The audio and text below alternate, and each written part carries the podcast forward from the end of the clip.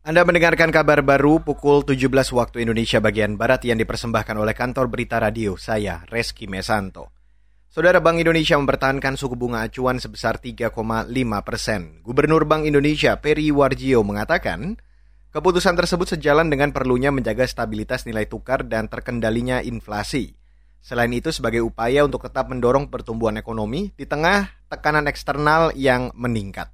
Rapat Dewan Gubernur Bank Indonesia pada 9 dan 10 Februari 2022 memutuskan untuk mempertahankan BI 7 reverse repo rate sebesar 3,5 persen, 3,5 persen, suku bunga deposit facility tetap sebesar 2,75 persen, dan suku bunga lending facility tetap sebesar 4,25 persen. Gubernur Peri Warjio menyebut terus mengoptimalkan bauran kebijakan untuk menjaga stabilitas dan mendukung pemulihan ekonomi. BI juga memberikan insentif bagi bank-bank yang menyalurkan kredit pembiayaan kepada sektor prioritas dan UMKM dalam rangka mendukung percepatan pemulihan ekonomi nasional. Beralih ke berita selanjutnya, Saudara, Presiden RI Joko Widodo menyebut situasi krisis akibat pandemi COVID-19 telah memaksa pemerintah mengambil respon yang cepat dan tepat dengan menempatkan keselamatan rakyat sebagai prioritas utama. Jokowi menyampaikan itu saat sidang pleno khusus penyampaian laporan Mahkamah Konstitusi. Kata dia, langkah-langkah luar biasa yang ditempuh pemerintah dalam penanganan pandemi diambil dengan penuh kehati-hatian dan pertimbangan-pertimbangan yang cermat.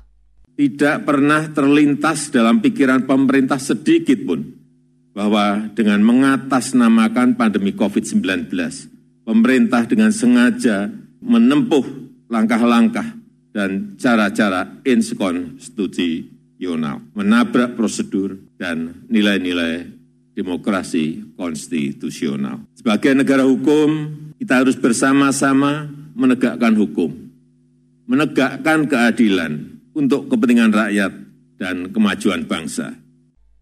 Presiden Jokowi mengakui bahwa pemerintah tidak selalu sependapat dengan pandangan Mahkamah Konstitusi atau MK terkait putusan-putusannya. Namun kata dia, pemerintah selalu menerima, menghormati, dan melaksanakan putusan-putusan tersebut.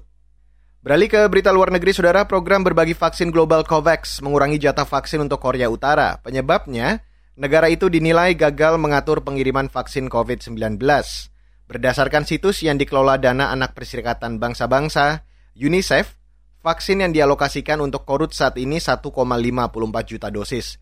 Jumlah itu anjlok dari jumlah tahun lalu sebanyak 8,11 juta dosis. Tahun ini COVAX mulai mengalokasikan vaksin berdasarkan kebutuhan, sehingga jumlah dosis yang dialokasikan sebelumnya tidak lagi bisa digunakan. Tahun lalu, Korut menolak rencana pengiriman vaksin AstraZeneca oleh COVAX. Pyongyang juga menolak tawaran 3 juta dosis vaksin COVID-19 dari Sinovac BioNTech, China. Dan hingga kini, Korea Utara belum secara resmi mengkonfirmasi satupun kasus infeksi virus corona. Negeri itu salah satu negara pertama yang menutup perbatasan ketika pandemi mulai menyebar pada 2020. Dan saudara, demikian kabar baru saya Reski Mesanto.